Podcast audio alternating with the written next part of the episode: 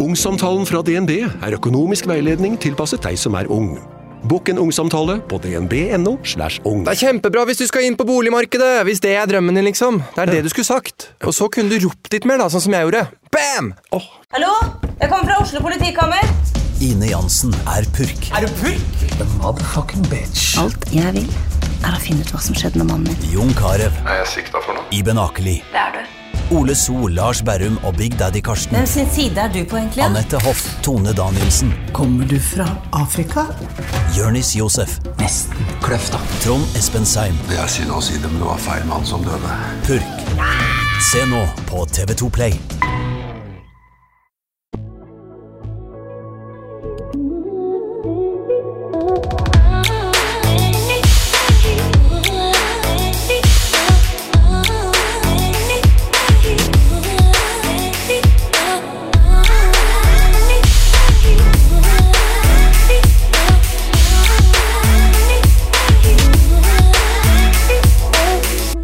Daglig opererer barn og unge på internett. De kommuniserer, lærer, leker, deler og opplever.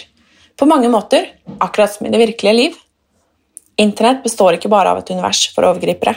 Det er et univers for overgripere. Et online univers det er vanskelig å forstå og vanskelig å spore. I 2020 ble to av tre voldtektssaker henlagt av det norske rettsvesenet. Hvor mange av de var digitale voldtekter? For det skjer, og det skjedde Therese. Da hun møtte Martin da hun var ti år gammel. Da helvete brøt løs.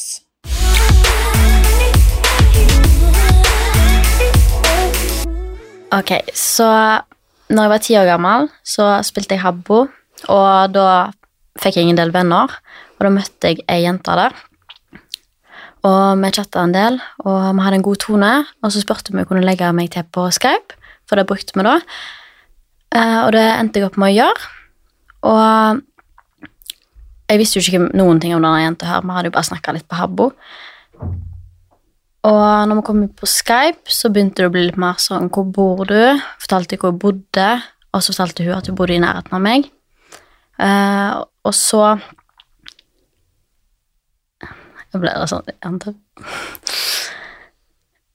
Ja. Ja, hun fortalte at hun bodde i nærheten av meg. Nå så hun helt ut. Det går bra. Jeg må ha mobilen min likevel. Jeg må se starten. Vil du begynne på nytt, eller vil du fortsette der du slapp? Du må huske at du trenger ikke å, å at Ingen trenger å være perfekt her, liksom. Nei. Det, er, eh, det gjør ingenting.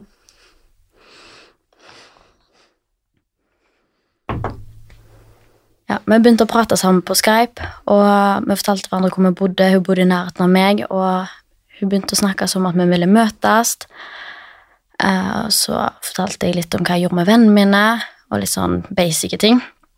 Så begynte hun å spørre meg om litt mer intime spørsmål om meg som kun var ti år. Jeg visste jo ikke disse tingene her. Så hun begynte å spørre meg om jeg hadde hatt oralsex på jenter. Hun spurte om jeg hadde hatt eh, sex med jenter. Og jeg sa jo nei, og jeg visste jo ikke. Så kjente jeg at jeg ble ukomfortabel, og at jeg følte meg litt sånn utilpass i situasjonen, for jeg skjønte jo ikke hva dette her dreide seg om. Og så fortalte hun meg, etter så hvert samtalen begynte å gå videre, så begynte hun å fortelle meg at hun hadde lyst til å møte meg og ha jentesex med meg på doen, eh, på et sånt kulturhus som er i nærheten av meg. Eh, og da ble jeg, sånn, jeg ble veldig satt ut, og følte, jeg følte jo magen min begynte å vrenge seg, og jeg ble dårlig av bare tanken på det. Um, for hun begynte jo å fortelle meg litt om hva dette her var. Og så prøvde hun å begynne å planlegge dag med meg, og tid vi kunne møtes.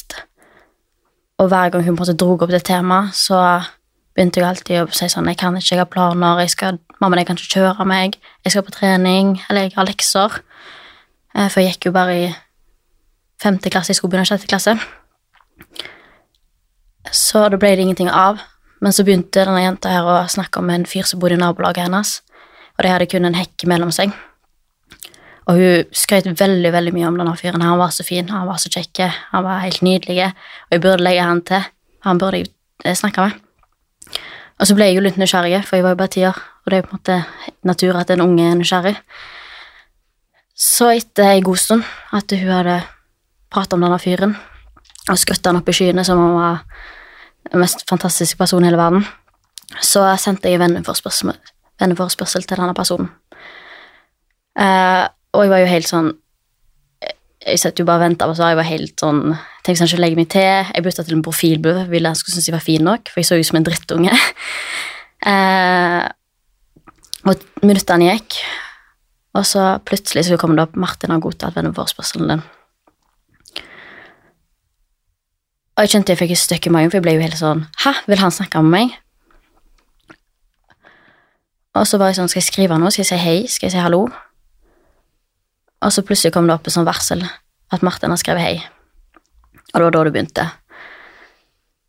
De første månedene så snakka vi egentlig bare helt vanlig sammen. sånn, Jeg fortalte om skolen, hva jeg gjorde på skolen, hva jeg gjorde med vennene mine på fritida, hva familien min, at jeg elsker å spille fotball.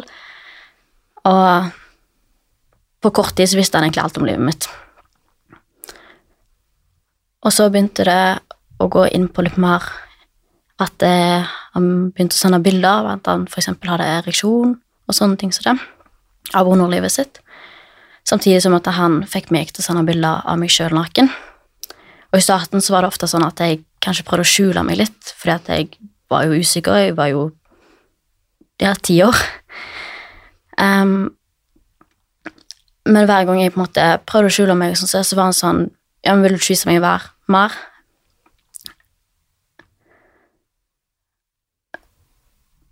Og når det kom til han, så tørte jeg jo ikke å si noe annet enn ja, eller gjøre det han ba meg om. For jeg var jo, redd, jeg var, begynte, jeg var jo redd han. For han begynte jo på en måte å vise en annen atferd enn det han hadde tidligere. Han begynte jo å endre seg. Så jeg gjorde jo akkurat det han ba, ba meg om.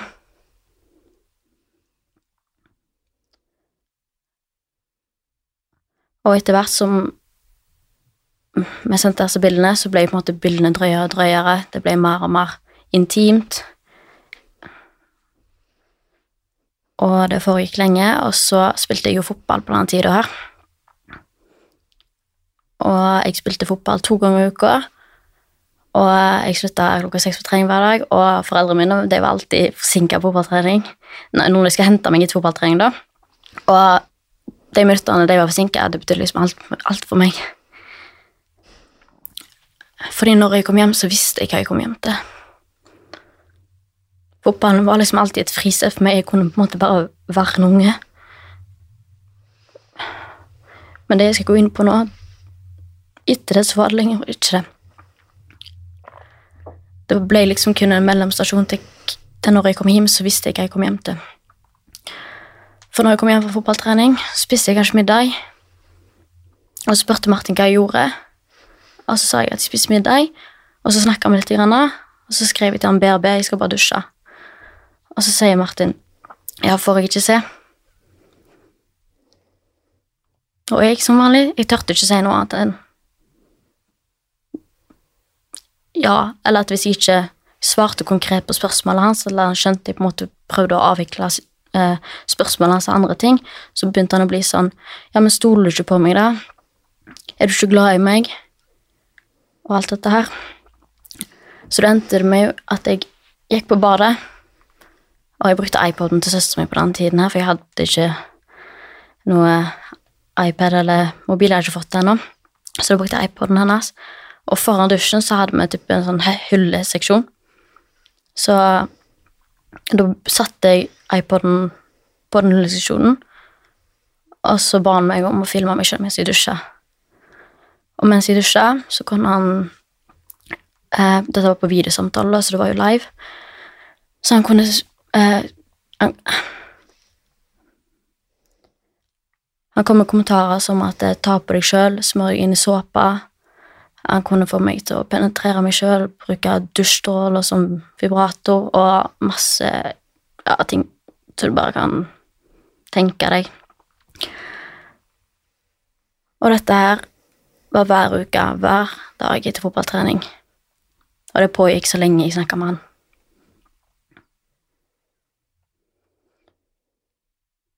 Og det var jo ikke bare på badet disse tingene her skjedde.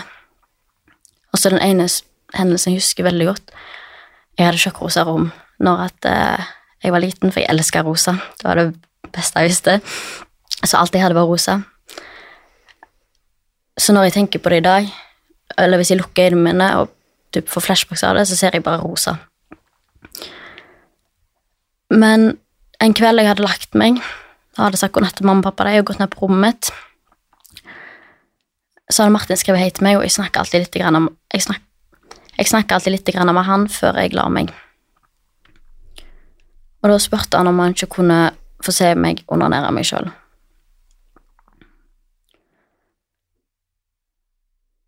Og så to, ringte han meg på videosamtale, og jeg tok han. Og han sa som regel aldri noe, han skrev bare i chat. Jeg hadde aldri hørt stemmen hans. Og så begynte jeg å gjøre de tingene han ba meg om å gjøre. Men det ble på en måte for kjedelig for han, så spurte han har du ikke noe annet du kan bruke. Og jeg som tiår, jeg hadde jo ikke peiling. Jeg hadde jo ikke hatt om kropp og sex og sånne ting på, det, skolen engang. Så da måtte jeg bare bruke fantasien og gikk på rommet mitt, og jeg, jeg, hva hadde jeg? Jeg hadde brettstukker og bare plukka over hele rommet mitt og sånn. Men det jeg fant, var noen hårbørster og noen tusjer, og jeg, jeg visste jo ikke, så jeg spurte Martin fun funker dette. Og Martin sa ja, det er helt fint, det. Så det endte det opp med at jeg måtte penetrere meg selv med disse gjenstandene her, og at han kom med kommentarer 'Å, så deilig du det', og hvem sier til en tiåring at du er deilig?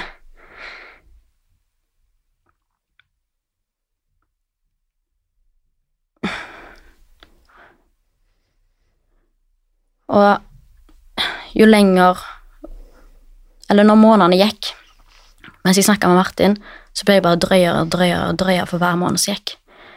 Han kunne til og med Når jeg hadde vennen min på besøk, så hadde jeg kanskje sagt til han, ja, jeg får noen venner på besøk som ikke i klassen min, eller ja, venner i nabolaget. Og jeg husker at noen ganger så spurte han meg om jeg kunne ta bilder av vennene mine og sende til han. Av underlivet deres, liksom. Og det var det, en, det var det, eneste få gangene jeg klarte faktisk å si nei til han. For da gikk det bare ikke utover meg sjøl, det gikk utover den andre. Og det er jeg veldig glad for at jeg aldri gjorde. Men det var liksom Når han begynte mer med sånne ting, jeg måtte begynne å skjønne at uh, Han begynte å oppføre seg som han ikke bare var glad i meg lenger. Da han begynte å komme med litt sånn truende atferd, at han begynte å skremme meg litt. På at jeg visste at jeg ikke gjorde ting som han ville, at uh, han hadde dette av meg. Og at uh, hvis at jeg ikke gjorde som han ville, så ville han forlate meg. Fordi for meg så var jo han Jeg beundra jo han, jeg var jo forelska i han.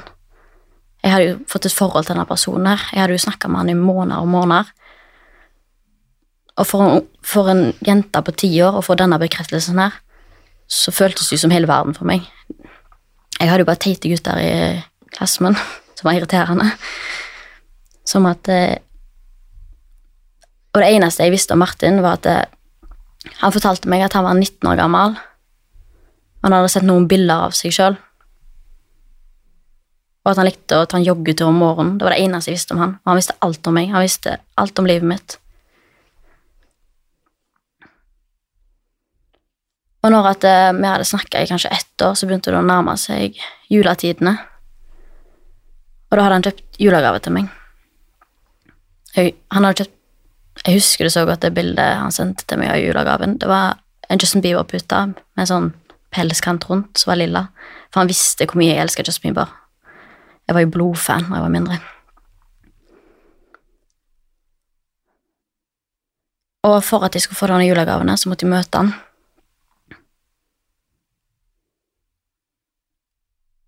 Og da planlagte vi å møte med kjøpesenteret kjøpesenter i nærheten av meg, for det var nærme der han bodde.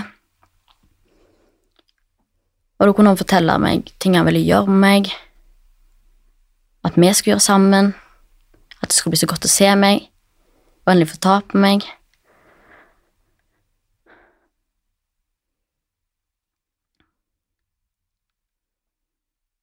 Og det var når at jeg, han faktisk tok til steget at han faktisk ville møte meg. Jeg faktisk ikke begynte å kjenne hvor redd jeg var, hvor skummelt dette her var, og at ingen visste det.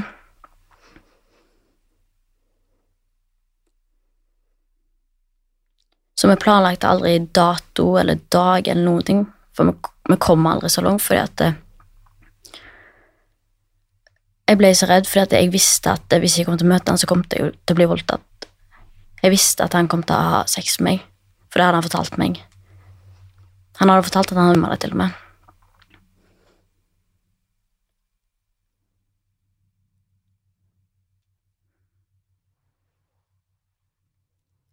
Og tanken på at eh, hans store, hans store kropp skulle være over lille meg Det hadde bare en tanke som ikke kunne beskrives, så jeg ble, jeg ble faktisk livredd. Jeg ble redd for at jeg Hvis jeg gjorde det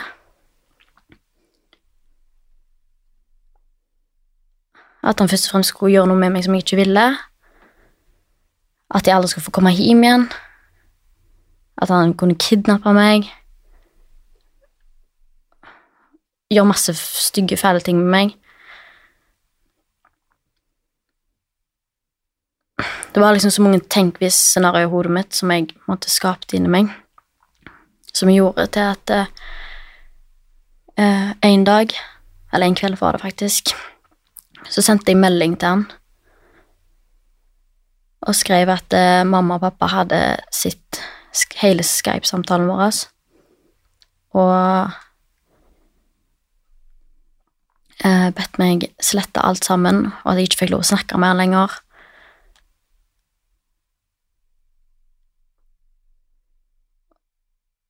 Og jeg husker jeg brukte så lang tid på å sende den meldingen der, for det var så vanskelig, for jeg hadde, jeg hadde jo Jeg var jo glad i han, på en eller annen rar måte. Men jeg visste at jeg ikke kunne møte han, for jeg visste hva som ville skje. For jeg visste jo hva han hadde fått meg til å gjøre i et helt år med meg sjøl. Så da sendte jeg meldingen. Jeg sletta Skype. Og så gikk det noen uker igjen. Så logga jeg meg på igjen. Så tok jeg faktisk opp igjen kontakt med han igjen. Fordi at eh, jeg, du kjente på den savnen. Det var liksom ikke den bekreftelsen i hverdagen lenger. Det var liksom noe du savna. Jeg hadde jo snakka med han et helt år. All, alle dagene mine besto jo av han. Jeg snakka med han hver morgen, hver ettermiddag, hver kveld jeg la meg. Til og med når jeg sto i dusjen, snakka jeg med han. Det var liksom kun han.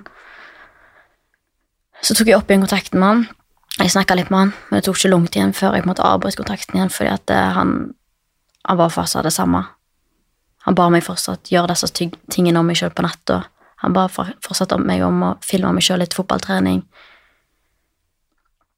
Så setter jeg Skype igjen. Når jeg avslutta kontakten med Martin, så gikk jo på en måte hverdagen tilbake til det normale. Og jeg var jo på en måte bare meg igjen. Ingen visste jo hva som hadde foregikk hele forrige året. Jeg hadde jo bikka elleve år på den tida. Mamma de visste det ikke, søsknene mine visste det ikke, vennene mine visste det ikke, læreren min visste det ikke, ingen visste det.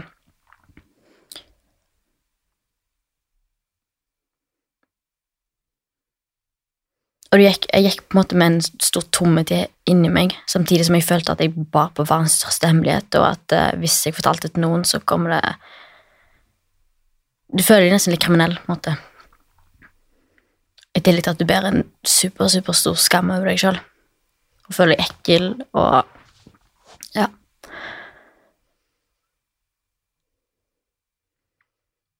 Vurderte du noen gang å si det til noen da? Nei, aldri. Slo meg ikke Tanken slo meg aldri.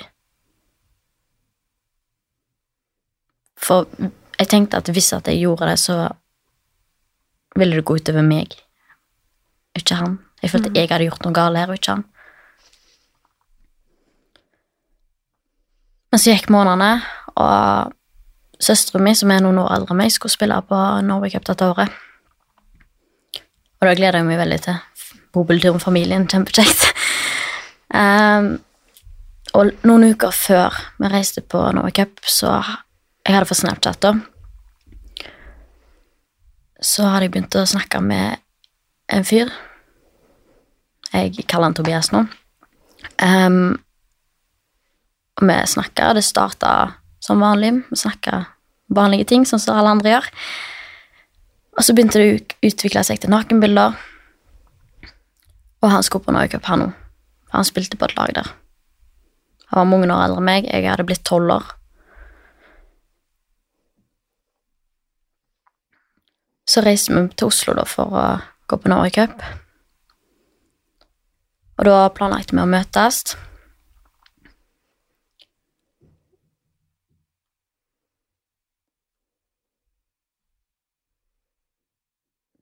Og der vi hadde bobilen vår, så var det en kjempe, kjempestor skog. Og så litt ned forbi det så var det liksom sånn doer og dusjer og sånn som det. Og en dagen da, så nå var det planlagt tid og dag, så hadde jeg jo tatt på meg de fineste klærne jeg hadde med meg, for jeg skulle være fin for han, og tatt på meg en fotball. Så begynte jeg å bevege meg opp i denne skogen der, og jeg var den første som kom. Så sto jeg der og venta helt i starten på skogen.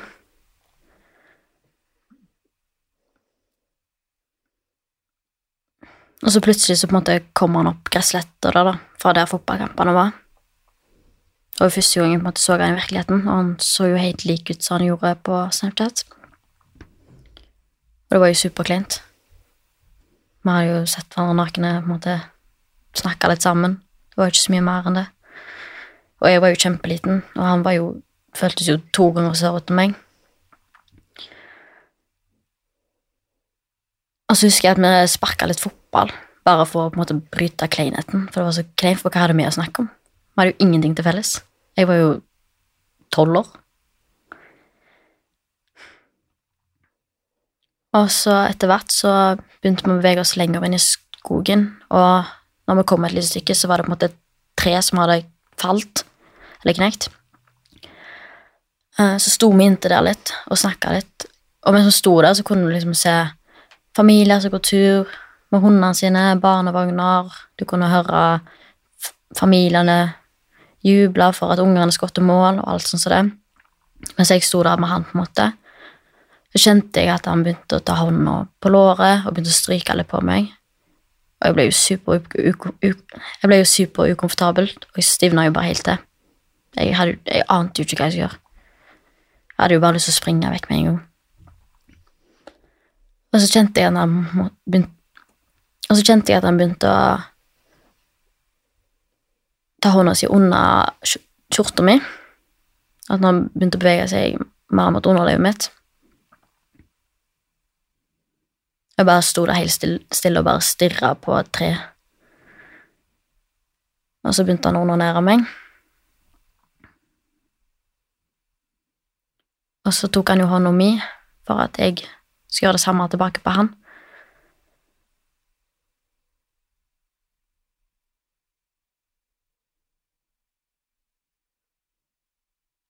Og så mens jeg på en måte sto der og hørte på alle som gikk forbi, og jeg hadde bare lyst til å skrike og skrike og skrike til noen kom, sto han liksom der og nøyte at jeg st- sto og onanerte han med et tre. Og det føltes ut som jeg sto der en evighet. Minuttene bare gikk og gikk, og jeg ble aldri ferdig. Jeg bare sto der og bare ante ikke hva jeg skulle gjøre. Og hva ville skje om jeg bare sprang? Ville han holde meg igjen?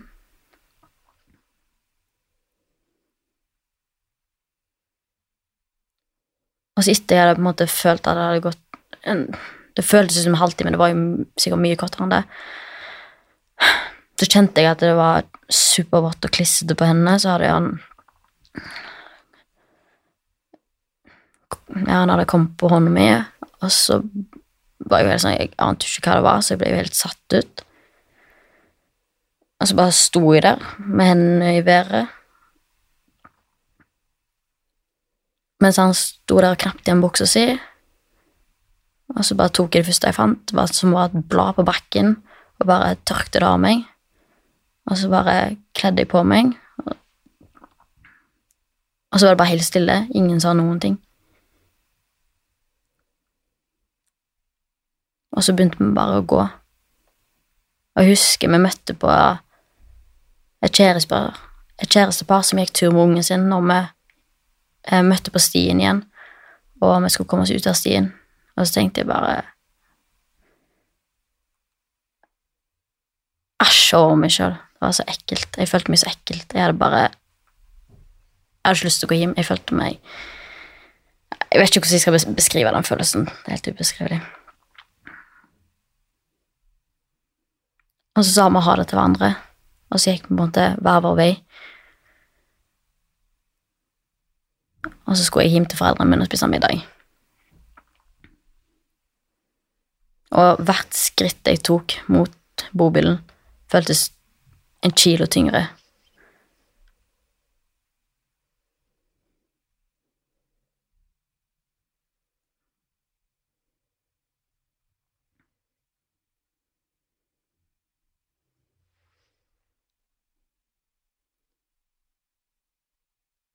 Og da sa du det heller ikke til noen? Nei, jeg sa ikke noe da heller. Ikke til noen venner engang? Nei. Hvorfor ikke, tror du? Jeg tror det er skamfølelsen som må ta over deg. For jeg hadde så mye skam fra tidligere òg. Jeg følte meg bare enda verre når det hadde skjedd. Det var jo på en måte som Alt det som skjedde med Martin, det var jo på en måte aldri noe fysisk. Det var jo ting som jeg gjorde mot Han fikk meg til å gjøre med, mot meg sjøl. Så når jeg var på Norway Cup, så var det liksom som at det, det Martin ikke fikk gjøre, det fikk på en måte han gjøre ferdig. Snakka du med Tobias igjen? Nei. Litt grann på Snapchat, kanskje, men Jeg tror ikke det var mye. Jeg har jo fortrengt litt mye av det òg, så det er ikke alt jeg husker. Hvorfor uh, Hvorfor tror du at uh, At du ble med Tobias inn i skogen?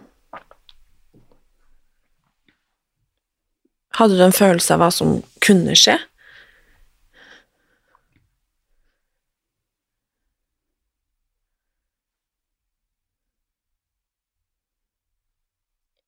Ja.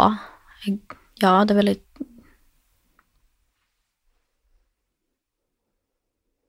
Men det som var på en måte etter det med Martin, så hadde jeg på en måte gitt alt av meg sjøl til han. Mannfolk hadde liksom fått makten over meg. Jeg var liksom reddere enn det jeg hadde vært noen gang tidligere, liksom. Jeg hadde jo allerede begynt å bli superparanoid når jeg var ute blant folk, fordi jeg trodde Martin var overalt. For jeg visste jo ikke hvem han var. Og jeg turte jo ikke å si nei. Og Martin hadde jo på en måte Det høres rart ut, men lært meg opp. Og det var jo ikke lenge etterpå.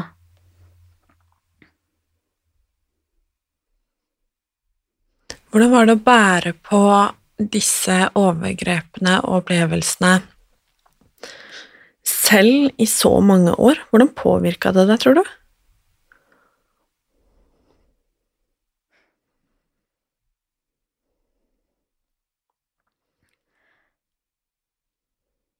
Jeg fortalte det ikke til noen før jeg var 18 år gammel. Som er ganske lenge. Jeg har jo gått gjennom ungdomsskolen, jeg har begynt på videregående. Det er jo forandret ganske mye på så mange år. Å gå gjennom ganske mye. Og jeg hadde bedt på det så lenge, og det var liksom sånn jeg, Det å si, men ting var på en måte helt fint. Det var liksom sånn jeg hadde glemt det. Jeg hadde pusha det og pusha pusha det så mye vekk, og på en måte jobba så hardt for at jeg ikke skulle tenke på det, at jeg bare skulle glemme det i alle de årene. Så det på en måte plagde meg egentlig ikke i hverdagen. Jeg tenkte ikke over det, utenom at eh, jeg kunne kanskje analysere mannfolk som gikk forbi meg, av å se et typ like trekk som jeg hadde sett på bilder som Martin hadde sendt, eller jeg kunne tenke 'Å, det er han, det er han, det er han', inni meg. Men det var liksom ikke noe som påvirka meg da. Det var litt mer i seinere tid. For når jeg var 18 år, så skulle jeg i en bursdag til ei venninne. Og jeg gleda meg masse til den bursdagen. Det var en kjempe, kjempefin dag. Jeg var i godt humør, og vi skulle i konfirmasjon dagen etterpå. Så jeg skulle ikke drikke meg så full. Så kom jeg på festen, og jeg hadde med meg vinflasker og skulle bare ha noen glass vin. Og så hadde jeg det jo kjekt, og så begynte jeg å drikke. Tankene begynte å surre. Så var det litt ting som skjedde litt ellers i familien. Så var det liksom mye som sto på der og da. Og så bare fortsatte jeg å drikke. Så hadde jeg plutselig drukket vinflaska mi. Så begynte vi å shotte rein sprit. Så det endte jeg opp med å bli ganske, ganske full. Og så kjente jeg at jeg begynte å bli veldig sånn nedfor. Og at jeg følte jeg bare trengte litt space og bare komme meg litt vekk fra folk. Så det endte jeg opp å gå på tassen. Så begynte jeg å hylgrine. Og så bare mista jeg helt kontrollen, og jeg fikk ikke puste eller noen ting. Jeg, det bare, bare knakk helt sammen. Og så sendte jeg melding til søstera mi om hun kunne hente meg. Og så spurte hun hva, hvorfor griner du, så sa jeg at eh, nei, det bare på grunn av alt som skjer hjemme. Og så kom jeg hjem, og så sprang jeg på rommet til søstera mi, og så kom mamma min der. Og så roper sånn, Therese, kom inn på rommet ditt. Og jeg eh, var jo helt ute av meg. Jeg grein og grein og grein. Så ble jeg med mamma inn på rommet mitt. Og så var det bare akkurat som begeret mitt bare hadde Ja, bare rente over.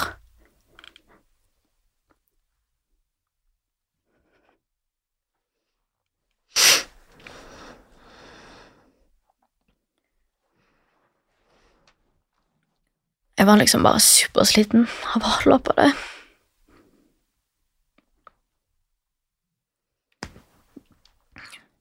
Og så hadde jeg bygd opp så mye sinne inni meg òg. Så jeg skrek ut i bare halv frustrasjon til mamma at jeg hadde blitt seksuelt misbrukt. Jeg fortalte ikke det med Tobias henne den gangen, da. Jeg fortalte bare det med Martin.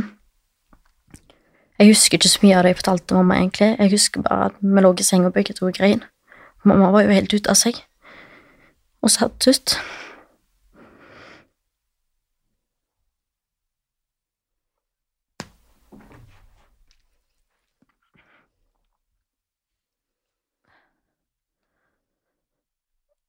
Og så endte det egentlig bare opp med at vi hadde en ganske fin samtale.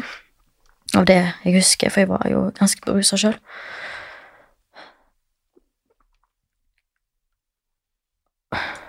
Og så husker jeg at jeg faktisk la meg på gulvet, av alle ting.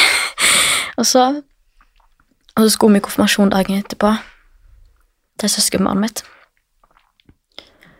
Så våkna jeg, og jeg, det føltes som jeg hadde vært i en transe. Det var ikke som det hadde vært en drøm. Jeg husker ingenting. Det var ikke som jeg hadde drømt det.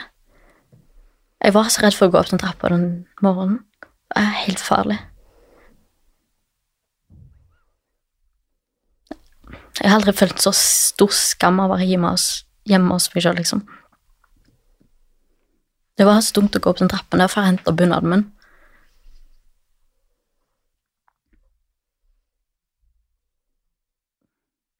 Så bare gikk jeg opp og kledde meg.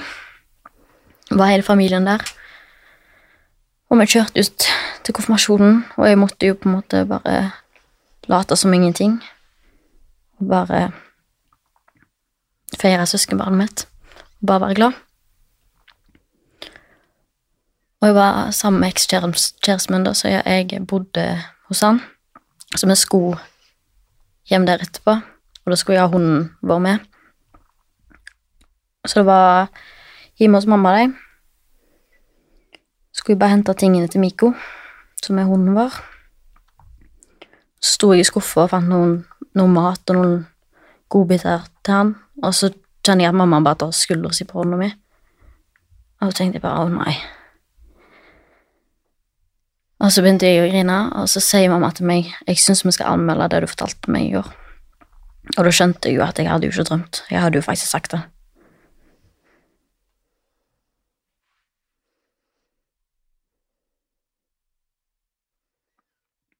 Hva følte du da?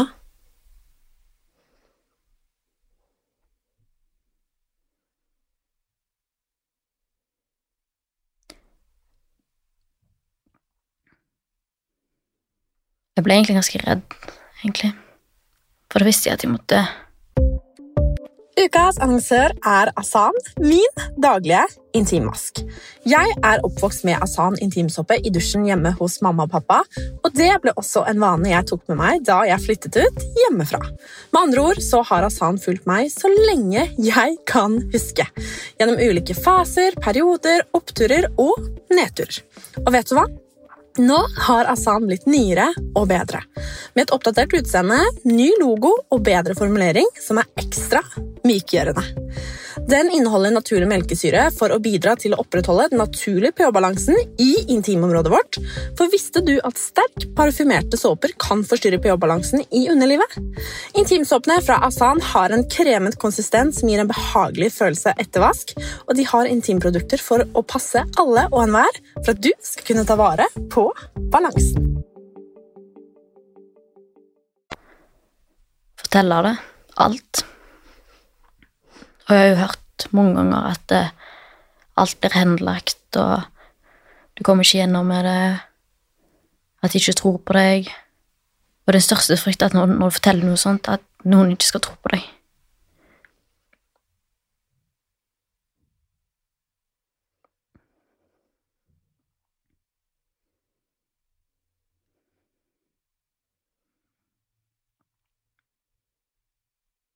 Og så sa jeg ikke så mye heller. Jeg svarte egentlig ikke på det. For jeg bare liksom Jeg, jeg var så jeg var så overveldet av at jeg faktisk hadde sagt det. Jeg var så sliten etter dagen før. Altså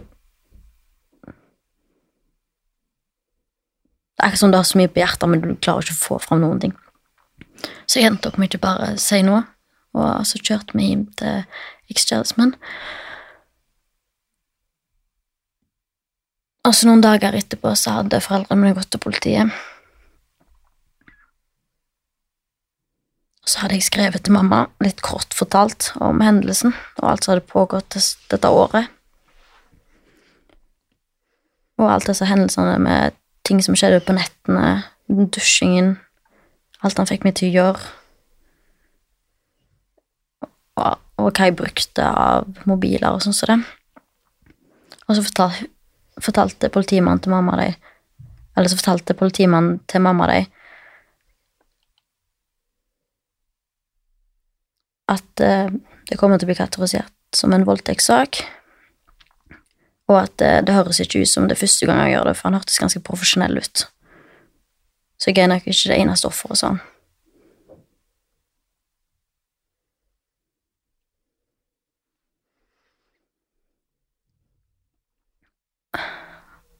Og så ble jeg fortalt at det, det var ei politidame som skulle ringe meg opp igjen for å avtale avhør og sånt.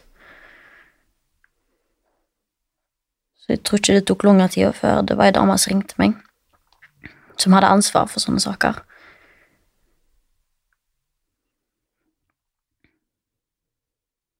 Så avtalte vi For når jeg hadde anmeldt saken, og dette her skulle bli en politisak ut av det, så ble på en måte alt virkelig igjen. Jeg hadde fortrengt dette her i så mange år, og på en måte levd med det, der det bare var jeg som visste om det, og nå skulle plutselig alle vite det.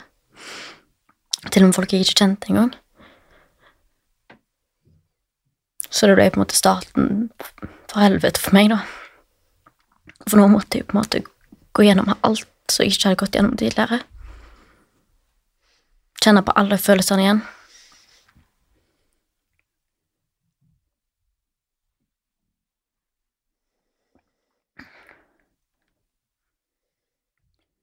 Så kom dagen jeg skulle i avhør. Jeg hadde forberedt meg superbra, for jeg var livredd for å gjøre en dårlig jobb, eller at jeg ikke skulle bli trodd, eller at uh, jeg ikke skulle huske noe. For det var jo så mye som måtte bare var tåke for meg. Så jeg hadde skrevet alt i notatbok. Og så kom jeg til politistasjonen. Så hadde jeg et håp om at mamma kunne bli med meg inn, men det kunne hun ikke, fordi at eh, hvis det ble en videre sak med det, så ble hun tolka som et vitne. Så hun kunne ikke bli med meg inn, så jeg måtte gjøre det helt alene. Som jo føltes enda tyngre ut for meg, for da måtte jeg sitte der med en total fremmed og fortelle det mest intime en time jeg har.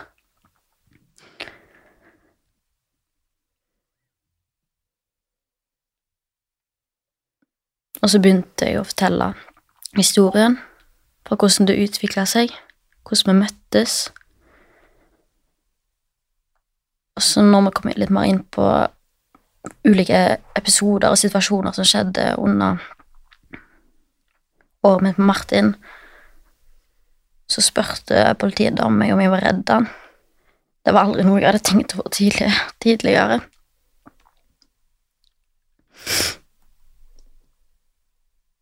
Så jeg endte opp med at jeg bare mista pusten. Jeg klarte ikke å puste. Jeg holdt på, jeg holdt på å svime av, så jeg sa til politiet politidama at jeg, jeg svimer av nå, jeg svimer av, jeg klarer ikke mer, jeg klarer ikke mer.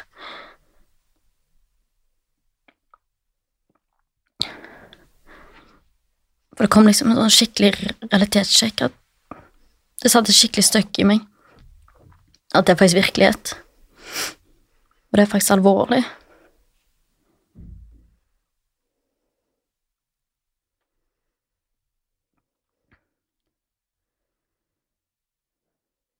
Og så etter litt tid så klarte jeg å hente meg inn og fullføre et avhøret.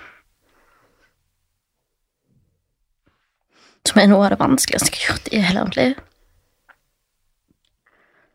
Å føle deg så naken og brette ut så mye av livet ditt når du var et barn. Og sitte der og fortelle det er helt fremmed dame hvordan du tok på selv da du var unge. Ting du gjorde som et barn aldri skal gjøre, eller skulle ha gjort.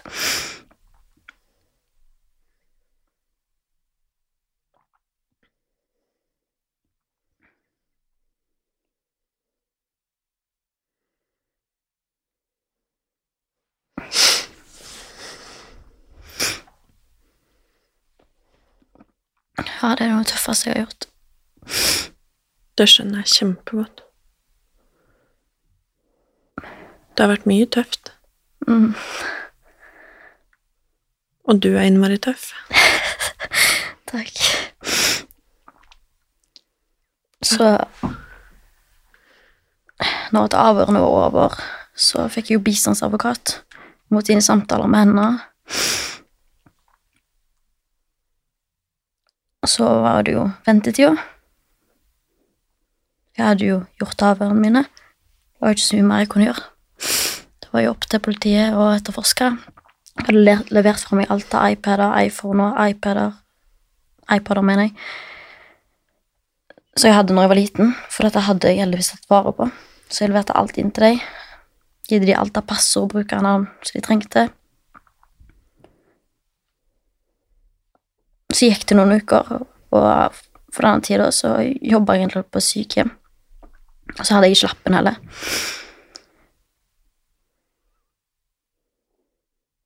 For den har jeg strøket på så mange fordi at eh, når jeg hadde, hadde mannlige sensorer, så fikk jeg bare helt panikk.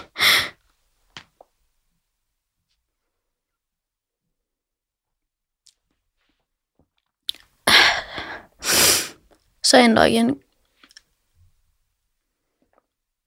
kom pappa og henta meg på jobb. Etter jeg var på kveldsvakt og skulle kjøre meg hjem til der jeg bodde. Så har han med seg et brev fra politiet, da. Og så husker jeg at jeg sa til pappa med sånn tullestemme Ja, sikkert henlagt. Ha-ha, bare lo det vekk.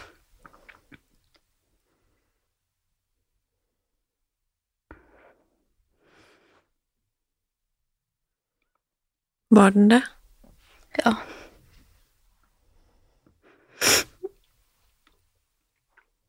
Jeg tror det er den lengste bilturen jeg har hatt. For jeg hadde, jeg hadde grein så mye at jeg hadde ikke mer å grine. Jeg bare satt hele bilturen og bare beit meg i tunga for jeg orka ikke.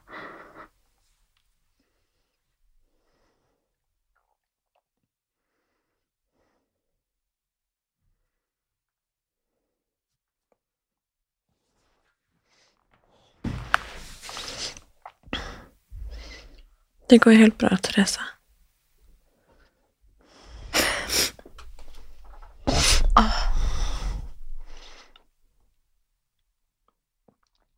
Jeg kan ikke forestille meg hvordan du hadde det. Og det er veldig, veldig lov å være veldig lei seg nå. Synes at dette er vanskelig. For det er det. Og noe at sminka blir ødelagt. Det går bra.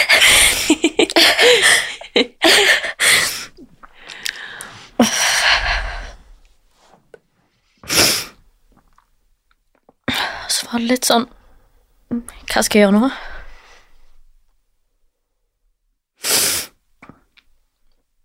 Jeg hadde begynt å bli rett for å gå på butikken.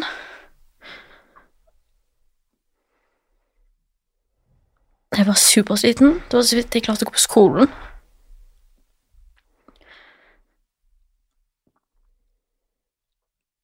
Jeg begynte å få panikkanfall ute.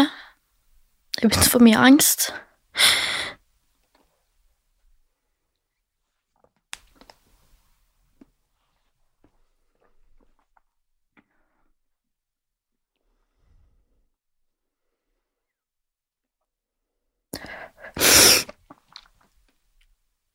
Og jeg begynte å slite veldig, veldig psykisk. Jeg begynte å miste meg sjøl. For jeg følte meg ikke trygg meg.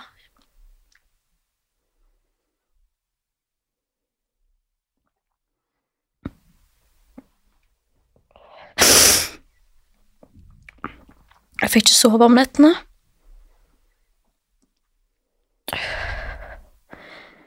For da kom flashbacks òg. Alle minnene. Alle tankene.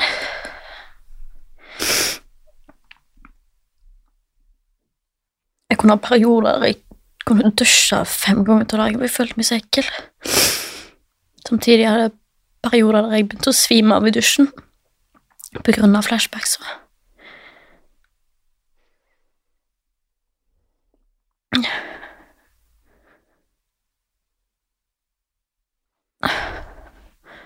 Og alt blir bare skummelt. Det blir skummelt å gå ut forbi døra.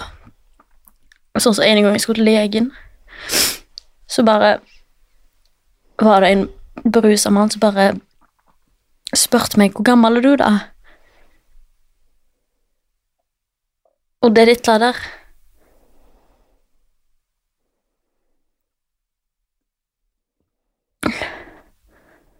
Så lite skal til for at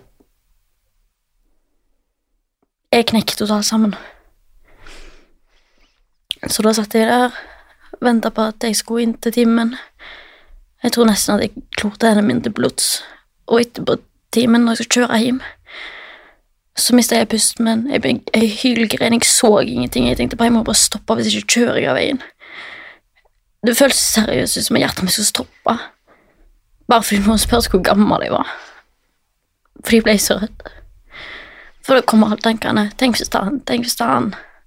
For de vet jo ikke. Det, kunne like greit vært lærermen, det kunne vært mannen i kassa på Kiwi. Det kan være hvem som helst. Og at du aldri skal få svar på det, alltid kommer en uvitenhet. Det ødelegger deg som person. Og når at du får på en måte en henleggelse slengt i trynet,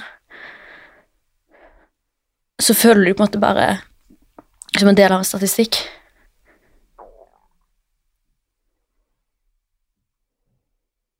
For det, er jo det er ikke noe videre oppfølging om hvordan du har det, eller noen ting.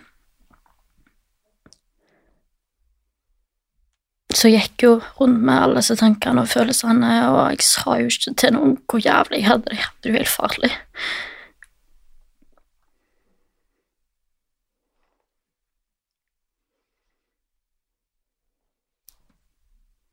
Det er dager der jeg kunne gå tre dager uten søvn, gå på skolen, og prøver innleveringer og bare prøve å gjøre det beste jeg kan. Og det var liksom sånn Han tok fra meg tryggheten min, han tok, fra meg eierskapet for min egen kropp. Han tok fra meg tilliten min til andre mennesker. Tilliten min spesielt til mannfolk. Han tok fra meg mye av livet mitt, barndommen min.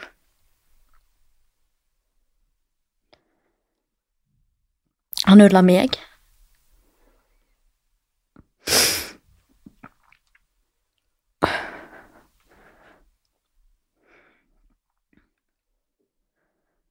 Så for ca. ett og et halvt år siden, så I påskeferien så hadde jeg venninna over hos meg. Vi hadde litt vinkveld og koste oss, og jeg ble litt full, og så Jeg var jo på mitt verste, så jeg har vært i hele mitt liv psykisk. Så jeg knakk helt sammen og begynte å fortelle henne ting. Og så ringte vi opp eh, hun eldste søstera mi. For hun studerer faktisk psykologi. Så hun Eller de fikk meg til å skrive en melding til legen min at jeg ville bli henvist til psykolog. Så forklarte jeg kort at, hva som hadde skjedd, og at hvis jeg skulle komme inn på en time, så måtte han begynne samtalen. Jeg klarte ikke å snakke.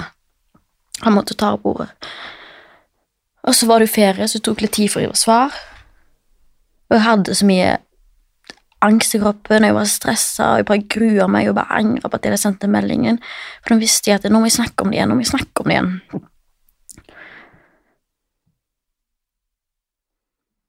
Og så var det mandag etter påsken, og så har jeg fått svar fra legen min, samtidig at jeg hadde blitt ringt flere ganger for at jeg kunne komme opp på time samme dagen. Og jeg satt i en historietime på, på Zoom, for det var jo korona. Og jeg bare måtte klapse igjen best, for jeg knakk det sammen. Jeg fikk panikk, jeg visste ikke om jeg turte å gå. For det første så legger jeg med en mann. Og så skal jeg komme der og brette ut om det verste som skjedde meg.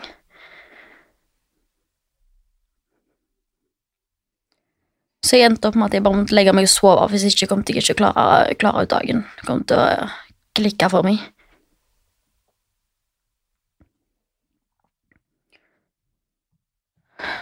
Så når endelig det var timen, så kjørte jeg ut. Og jeg kjørte sånn at jeg akkurat kom presis, så jeg slapp å vente på det pauserommet, for det hadde vært føltes som en evighet. Så kom jeg inn, og jeg bare knakk helt sammen idet han lukket døra og bare begynte å hylgrine. Og så snakket vi om litt det som har skjedd, og jeg fortalte at jeg ville begynne hos psykolog, for jeg ville, hvorfor jeg ville få det bedre og alt dette her. Og så skulle han sende en henvisning til DPS-en.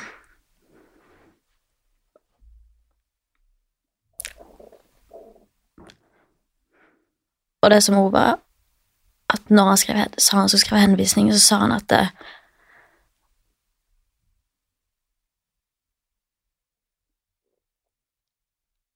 han, måtte, han måtte liksom skrive hen, henleggelsen ganske dramatisk og måtte Ikke legge på, men liksom Ja, for hvis ikke han måtte hørtes ille nok ut, så ville jeg ikke komme inn. For han så at jeg trengte hjelp. Og heldigvis så hadde jeg en lege som faktisk kjempa for at jeg skulle få komme til psykolog. Ei uke etterpå så fikk jeg svar.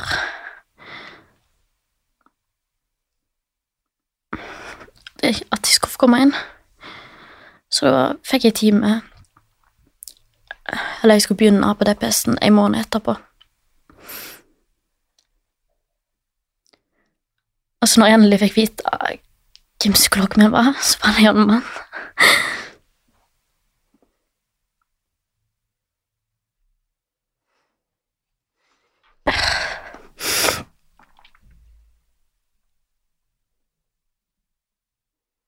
Og jeg grudde meg så mye til den timen der.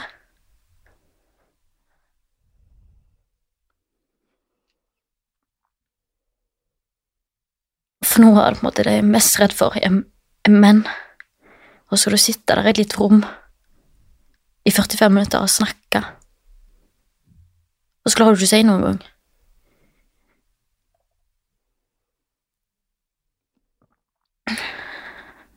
Men jeg gikk den en god periode, da. Det gjorde jeg. Kun for å utfordre meg sjøl.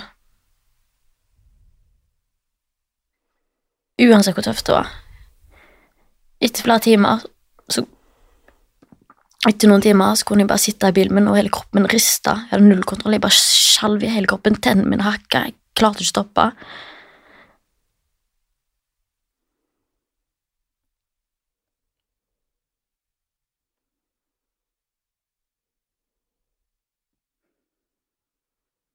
For egentlig når jeg satt der inne, så var jeg jo egentlig bare livredd. Jeg ville jo egentlig bare springe ut. Jeg følte meg jo limfast i stolen at jeg ikke kunne springe.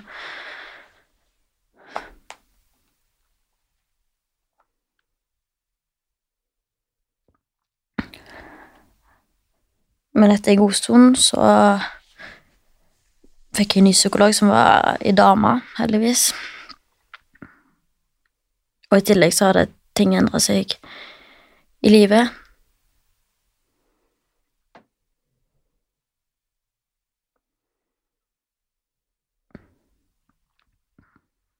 Hvordan da? Jeg hadde flytta hjem igjen, for det, ble, det var da jeg gikk gjennom et brudd.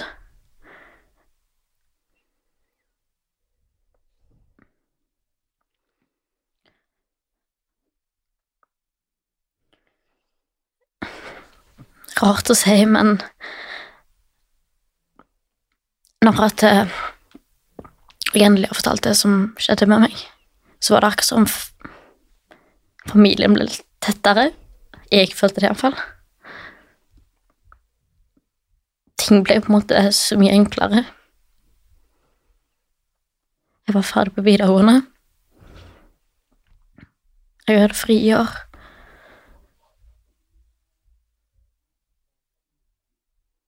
Jeg hadde fått Jeg hadde kjøpt meg to katter. Som jeg kjøpte når jeg var på det laveste mitt. Som ga meg sykt mye glede i hverdagen.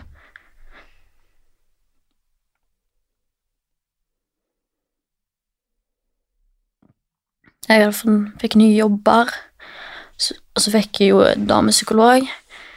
Og jeg begynte å utfordre meg sjøl mye mer. Jeg pusha meg sjøl til å gå på den butikkturen. Ikke avlede meg med mobil eller snakke i telefon eller få med meg en venn på butikken.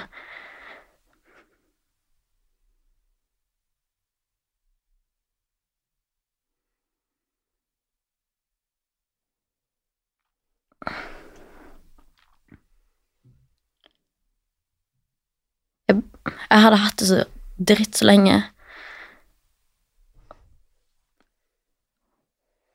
at jeg var bare så sliten at jeg bare orka ikke ha det lenger, så jeg måtte jeg bare Det gikk liksom en faen i meg. Jeg var så forbanna lei.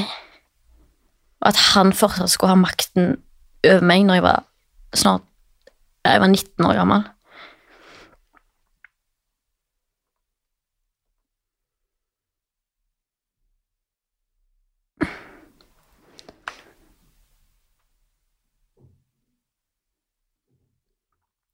Og nå har jeg jo gått til DPS-en i ett og et halvt år.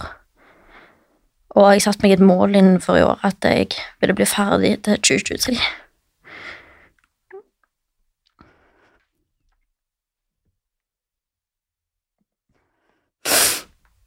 Og nå har jeg avslutningstime i oktober, så jeg er mest ikke ferdig. Og jeg er jo på et mye bedre sted nå enn det jeg var for tre år siden.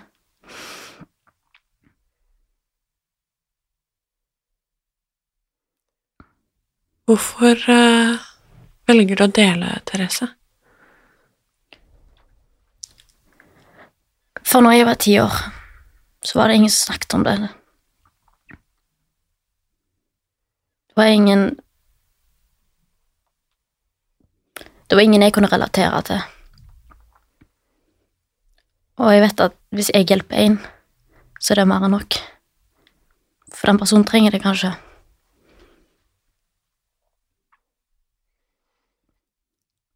Skammer du deg den dag i dag? Ja, det er derfor jeg ikke ennå er ferdig psykologen.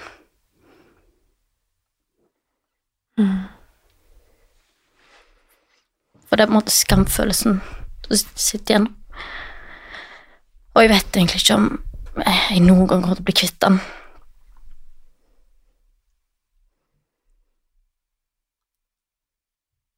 Hvordan har den følelsen påvirka forhold og møte med nye mennesker? Kjærester og så videre?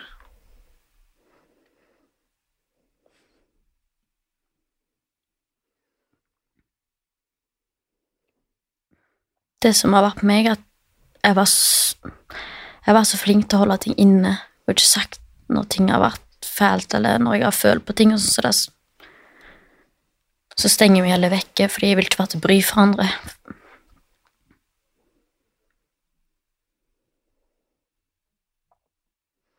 Så da har jeg på en måte heller lat som ingenting og måte prøvd å skjule det, og så heller når jeg er for meg sjøl, at jeg griner eller tenker stygge ting, eller tankene kommer, eller At istedenfor at det går ut over andre, så lar jeg det gå utover meg sjøl. Hvordan har det påvirka forholdet ditt til sex og kroppen din?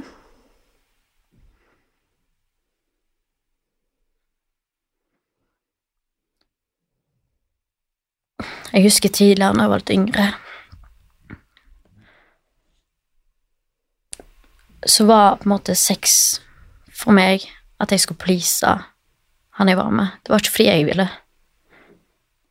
Det var på grunn av bekreftelsen.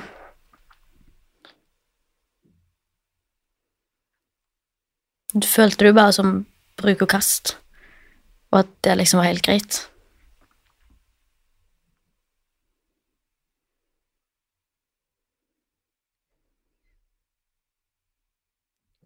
Klarer du å se deg selv i speilet og, og være glad i deg selv og kroppen din? Ja, nå gjør jeg det. Så bra. Men det har krevd mye. Men så fantastisk at du har klart å komme dit. Ja. Fy fader, ass, jeg håper du er skikkelig stolt av deg selv. Ja, men jeg syns det er vanskelig å innrømme. Det skjønner jeg, men det har du helt lov til. Og all grunn i verden til. Nå skal jeg sikkert stille et litt vanskelig spørsmål, men hvordan føles det nå ut at Martin er der ute?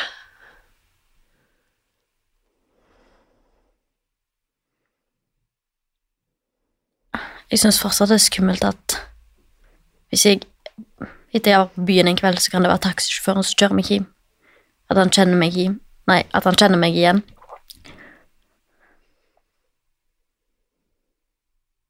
Så kan jeg se for meg at jeg plutselig blir voldtatt på ny, eller at han skal gjøre ting med meg, eller at Og så bare tenk på alle videoene, bildene han har av meg. At en dag at det jo plutselig bare ligger der ute. For det vet jeg jo aldri. Alt er jo bare en stor usikkerhet. Jeg vet jo ingenting. Og det er det som ofte ødelegger et menneske, usikkerhet. Det er sikkert en del som lurer på hvordan dette kunne skje, Mm. og at hvordan man kan la seg manipulere eller lure til å havne i en sånn situasjon. Men det skjer på en måte før du klarer å reagere på det. Det, det blir så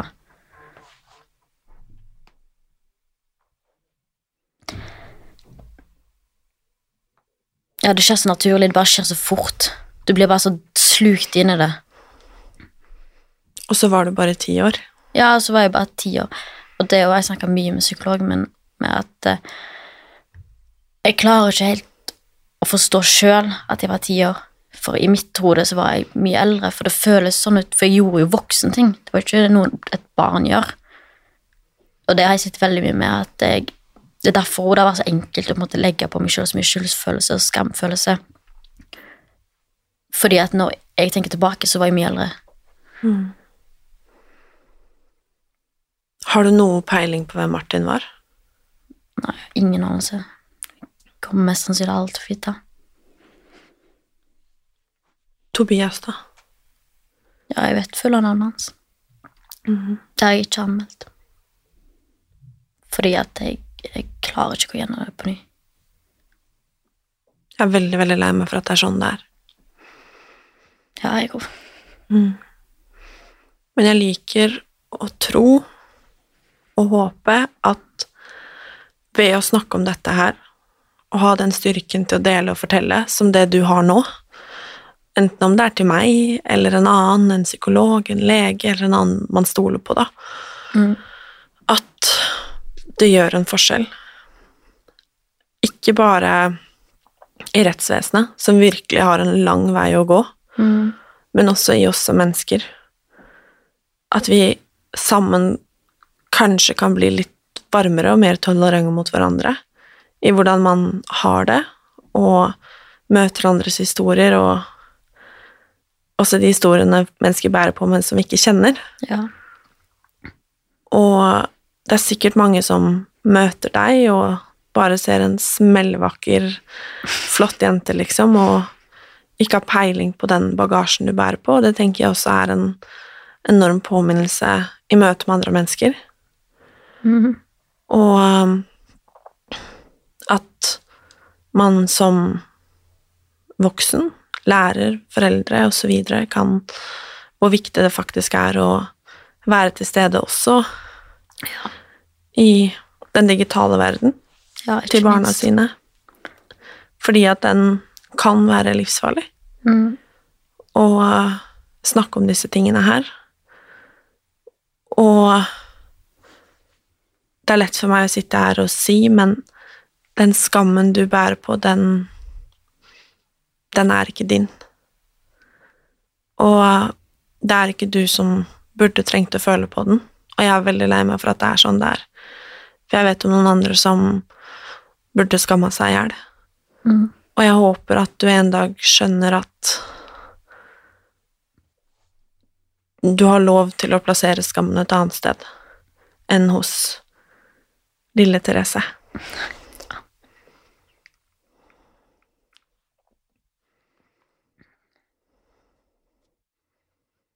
Og så får vi virkelig håpe at det sitter noen i rettsvesenet og lytter til denne her. Eller en politiker som skjønner at disse henleggelsene her, de eh, Det er ikke lov. Nei, ikke 80 av de.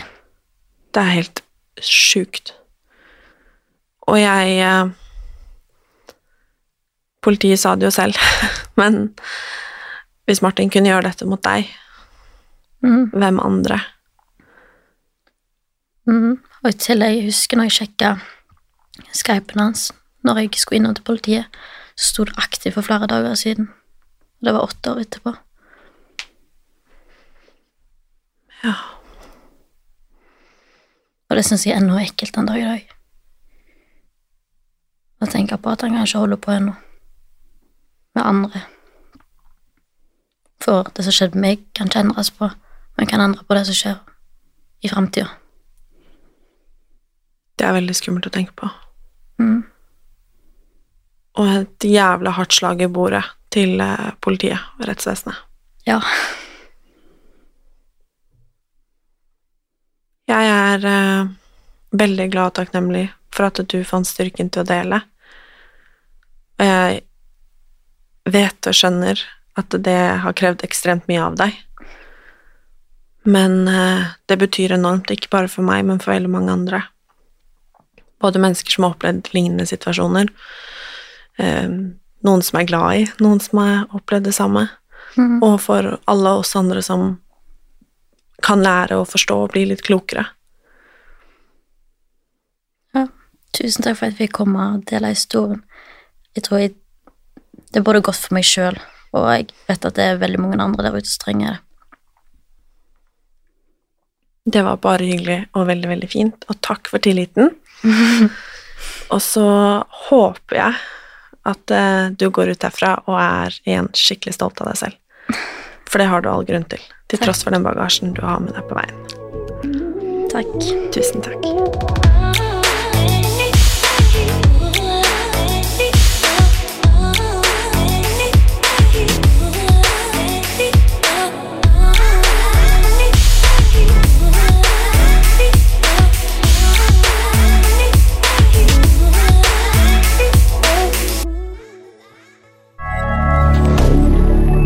Media.